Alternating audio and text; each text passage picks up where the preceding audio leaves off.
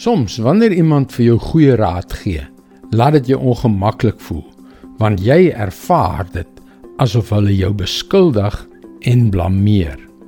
Hallo, ek is Jockey Gouchee vir Bernie Diamond en welkom weer by Fas. Jy was ook al in sulke situasies nie waar nie. Dit is asof daar 'n onderliggende woede in die ander persoon se hart is. En weet jy, dit maak nie saak hoe goed hulle perspektief, hulle raad of hulle oplossing is nie.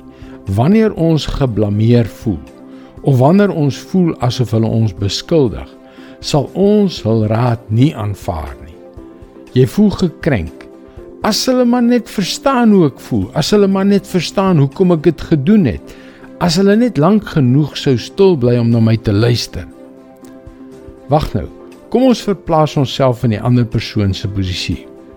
Wanneer ons die een is wat kwaad is, veroordelend klink en die ander persoon blameer, dan weerspieël ons beslis nie die liefde van God nie. Jakobus 1 vers 19. My liewe broers, dit moet julle in gedagte hou.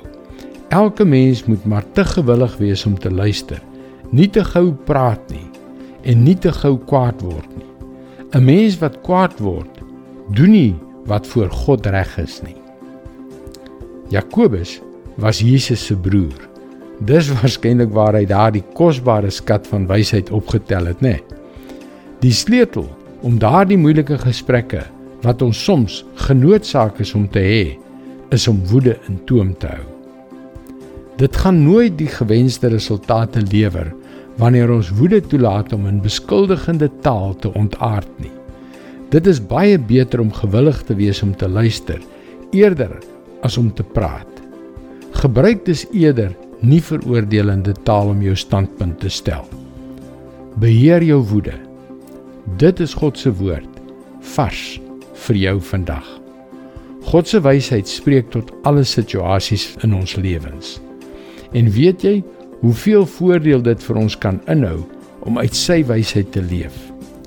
Jy kan gerus gebedsversoeke na ons gebedsspan by powerfulprayer.org stuur.